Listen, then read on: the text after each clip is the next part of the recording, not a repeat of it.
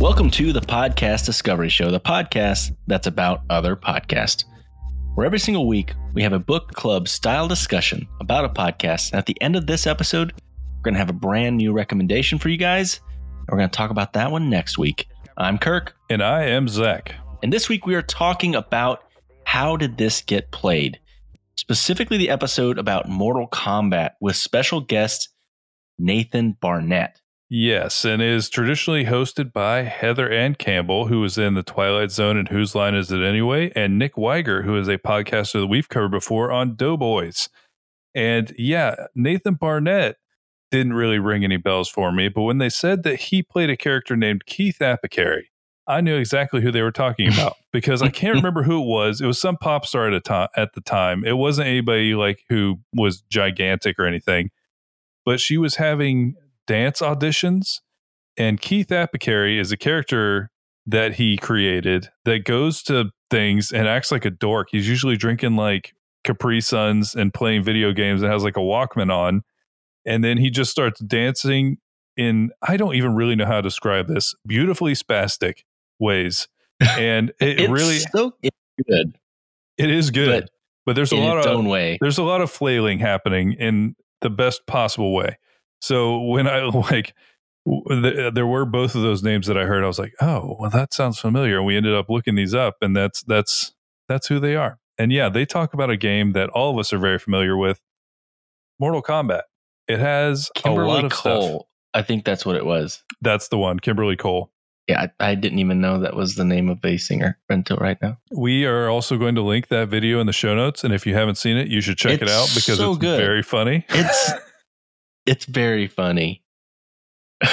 it, it, oh man, it, it's its own thing, and I didn't know that. So I listened to this whole episode by myself before recommending it, not knowing that that was this guy, and also not knowing that the other male Nick host this was the guy from Doughboys, because Zach, we were listening to it, and Zach's like, "Didn't we cover a show that this guy was talking in? Like he was in a show that we covered already?"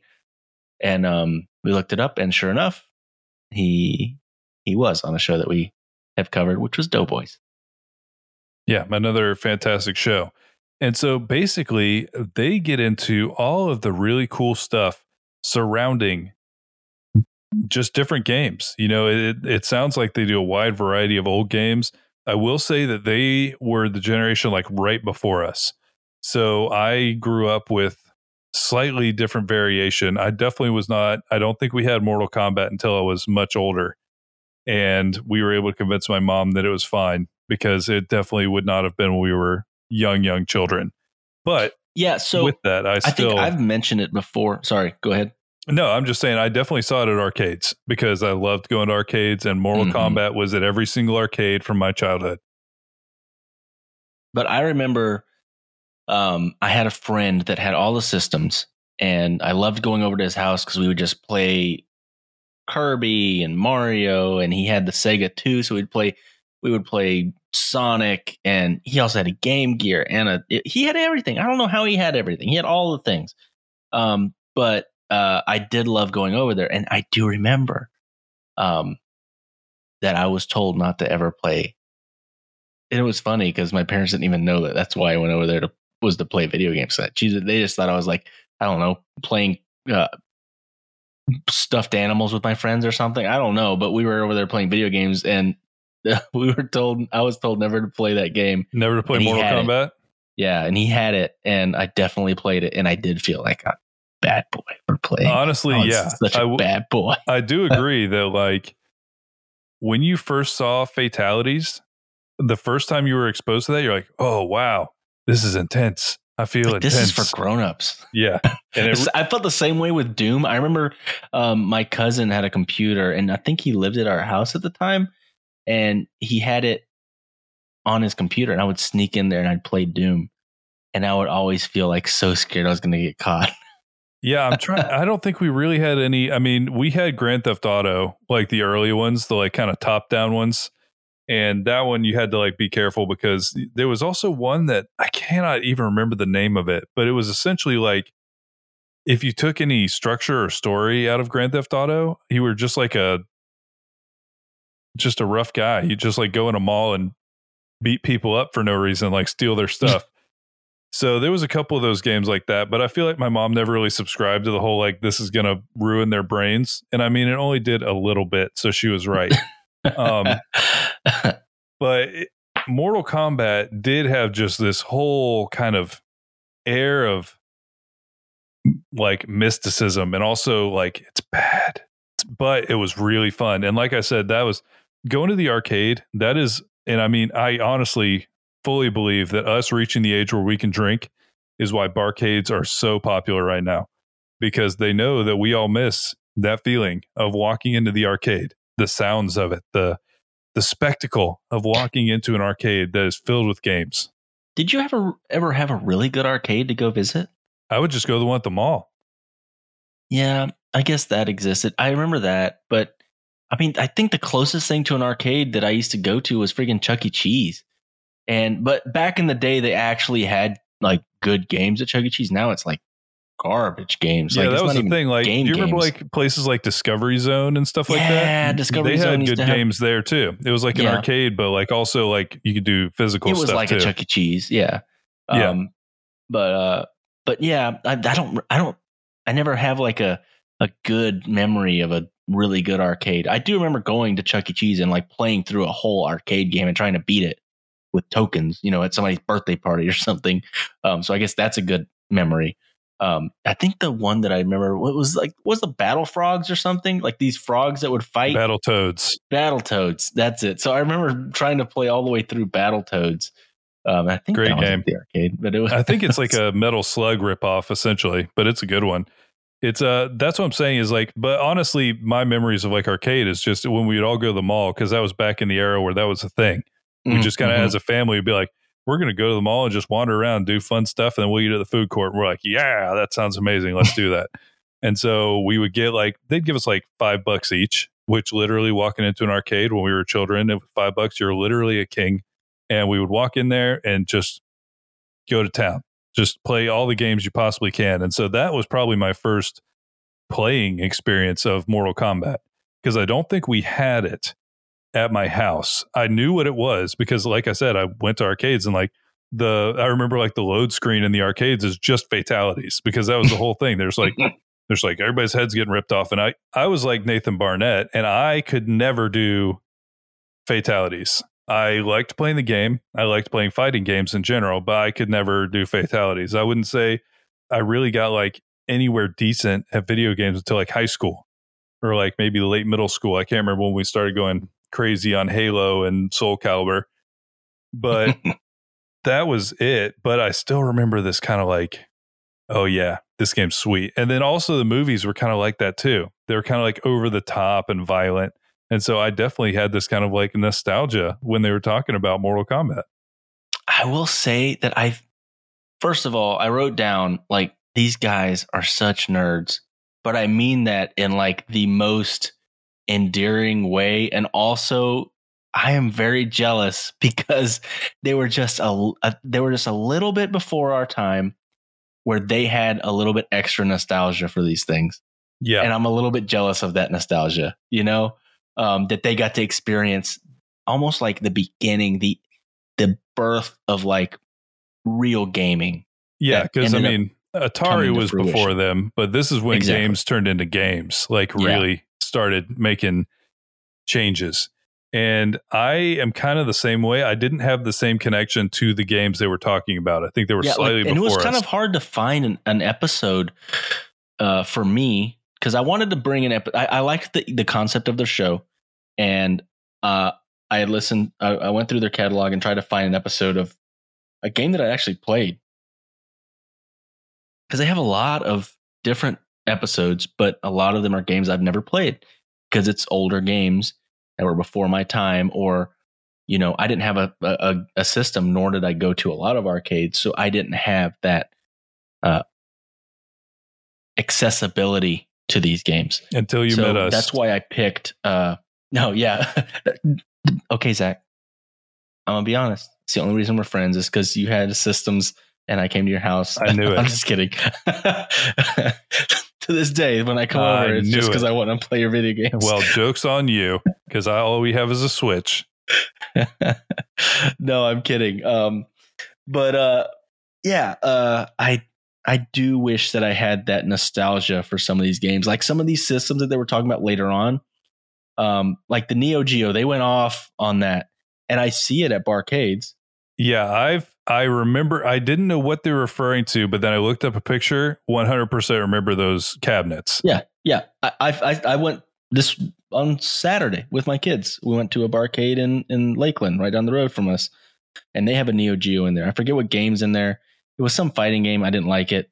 Um, they said it was uh, Metal Slug, and it wasn't. It was a fighting game, which made me sad.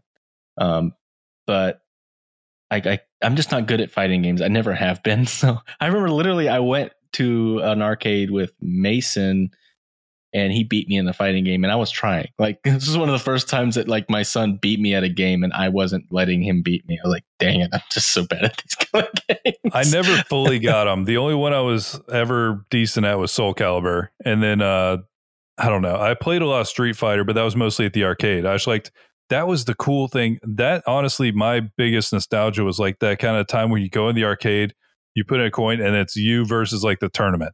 That was mm-hmm. you, and you just see how far you could get. I could never get very far, but I like that like moment of you've got money on the line. This matters. you know, you know it, what's funny is like the more I talk about it, and I, I kind of feel bad for not being able to go to arcades because we didn't have any. I have a different experience, and it's it's so different and weird, and maybe people won't even know because I don't think that it existed and doesn't really exist now for very long. Um, I remember going to like restaurants or like I remember going to a Mexican restaurant and playing an arcade game. I remember going to multiple like uh like uh I guess it still exists at sports bars where they'll have arcade games. Yeah, Casbo's had great arcade games. So I remember going to Casbo's. I remember going. My dad used to take me to Beefs regularly because he'd want to go watch football games and drink beer, and he'd take me. He's like, "I'm gonna take my son. We're gonna go watch." And I didn't want to watch four hours of football, so he'd give me, like you said, five bucks, and I was a king. And so I'd go that back there at Beef Brady's and just play whatever game they had. Oh, like, you know who had a great one when we were kids? USA all day long. CC's. CC's. I remember as a kid, uh, CC's was my jam. I'd eat 40 pounds of the worst pizza you can find, and I'd go play video games until I threw up on myself. It was great. It's childhood in a nutshell. But yeah, it was uh, honestly, I have a lot of nostalgia around some games like at the house because my parents were gamers, so we had we had most of the systems too. But I mean, we yeah, had you to, really did. We had to fight uh, my mom to play them, um, and then there was also three of us. So there was. She uh, was really smart with. She would like get each of you a, the different system, so then you had to share, even though that probably never worked out. It, it did not. It did it not. It did not work out. But what we ended up doing is we'd play together. Like that's what she figured out is if she gets us multiplayer games that we could play at the same time. That's the that's the move. So Mario Kart on Super Nintendo and on Nintendo 64 spent a bazillion hours playing it. Anything that was kind of multiplayer at that time. But I definitely remember games like Super C uh, which was a Contra game on NES, and like we mm. played all the Mario games, and so I have a lot of nostalgia around kind of home gaming, but none of them were around that. We did play, like I said, once we got into middle and high school, it got a little different. But speaking of Mortal Kombat in itself, it was kind of its own type of game.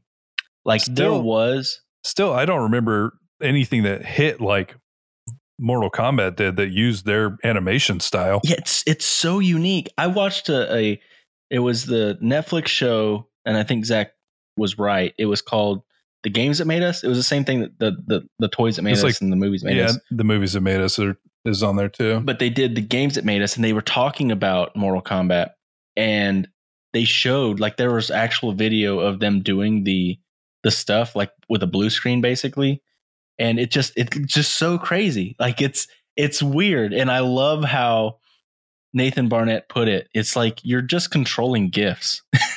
yes, one hundred percent are, and that's why the game kind of feels a little bit wonky because like you go from standing to kicking someone in the face, and there's no transition. It's just standing and then automatically kicking.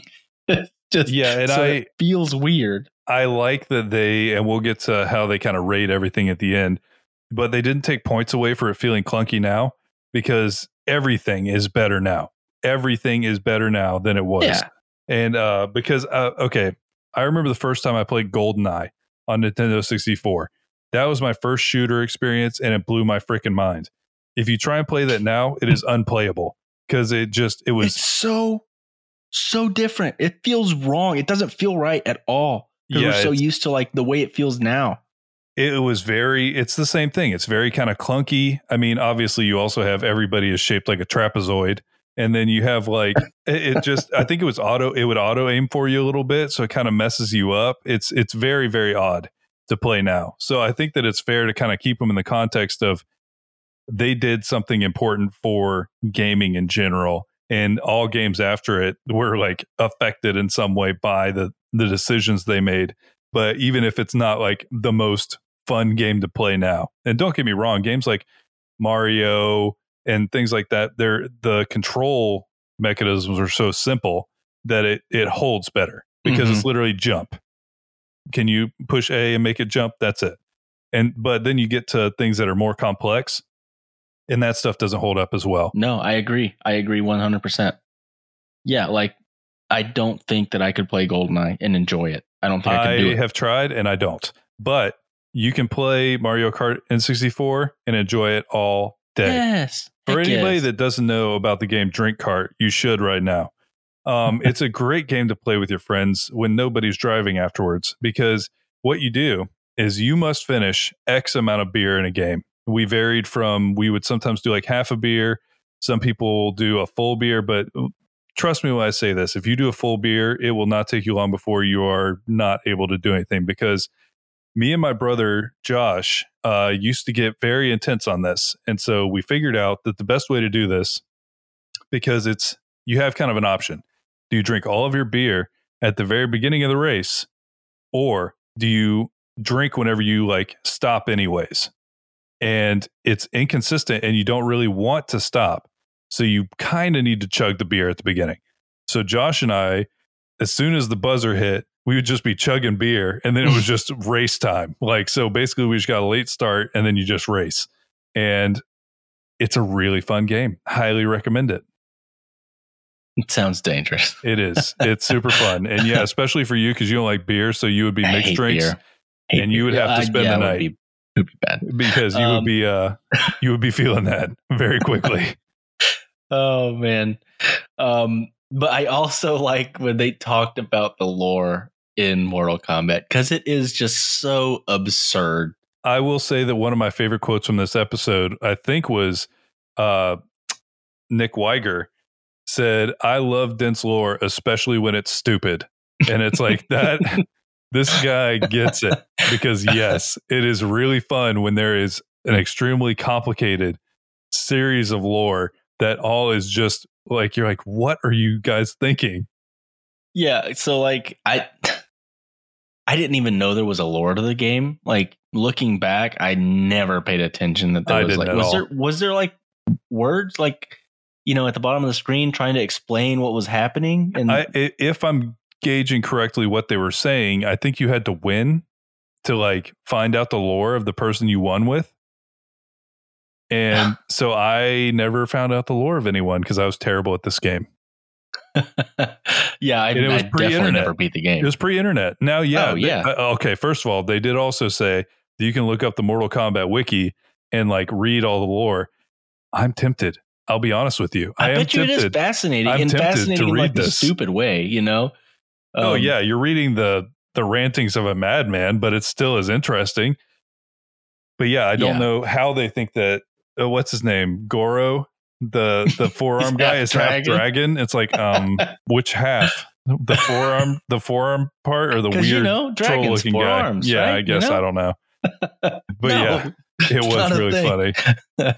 but it, it is so funny because they talk about like you know you're supposed to you know win with Scorpion and Scorpion is uh he's been dead the whole time so you find out at the end that oh he's been he's dead like Yeah, but they the bring him back to life for vengeance, is but he can never see his family again. So sad. so sad I didn't know that until I watched because I don't think that I even followed the storyline of the first movie because it was so hard because it didn't make any sense. It doesn't really make sense. it doesn't But, make sense. I this mean, newer one, the new actually, one makes some sense. It's it's lighter on like the confusingness, but it's basically. I honestly felt like the new one was kind of just a redo. Like it's I- hard to make a story about something that's so bad of a story. They- that's the problem. they need to commit more. Like you need someone What? that's fully insane to make this movie. I I am pretty I'm pretty sold on this idea. Like you need to don't don't ride the middle, don't try and make it edgy, make it a ridiculous splatter fest. And then you can hit kind of what they were on. You know, because honestly, it's insane. All of it is just insane. The whole lore behind it, the whole idea of we're going to make a video game where people just get eviscerated at the end of every fight. All of it is just one level above where you think they should have gone. And that's what the movie should have done. Just one level up of just ridiculousness. And then they could have hit it. And I mean, that's what the 90s tried to do, but it was also the 90s. So they were bad at it. they were bad at everything. Why was why did everything in the '90s suck? Everything in the '90s Uh. We were, they were trying. It just didn't, it just didn't pan out. oh man so they did and I, we already talked about it a little bit they talked a little bit they even played a clip of the senate hearings because the the stuff about the violence in this game and in particular another game called night trap it like got parents so upset that it got all the way to the senate and they had a recording of what one of the senators saying that this is basically child abuse.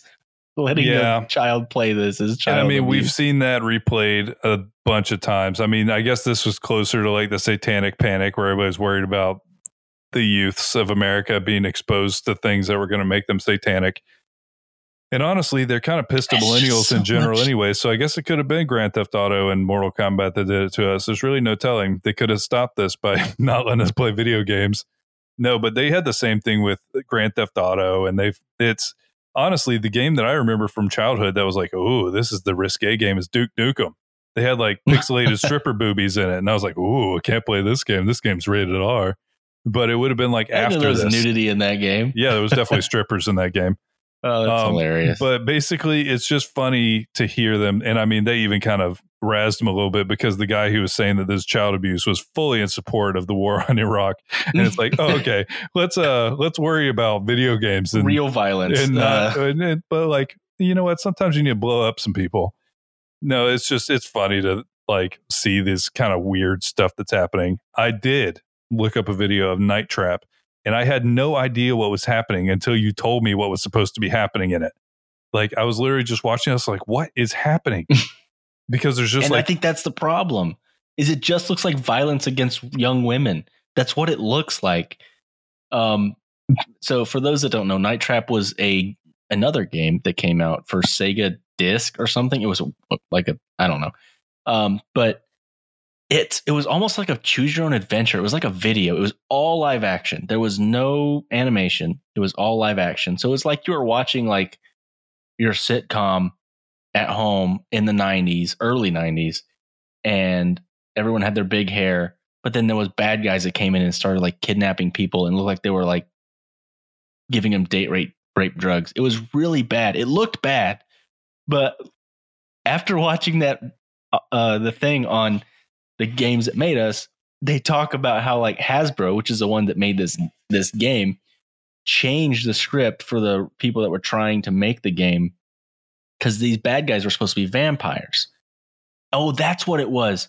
They didn't. They were not allowed to show any blood, and since it's vampires, they're supposed to be blood.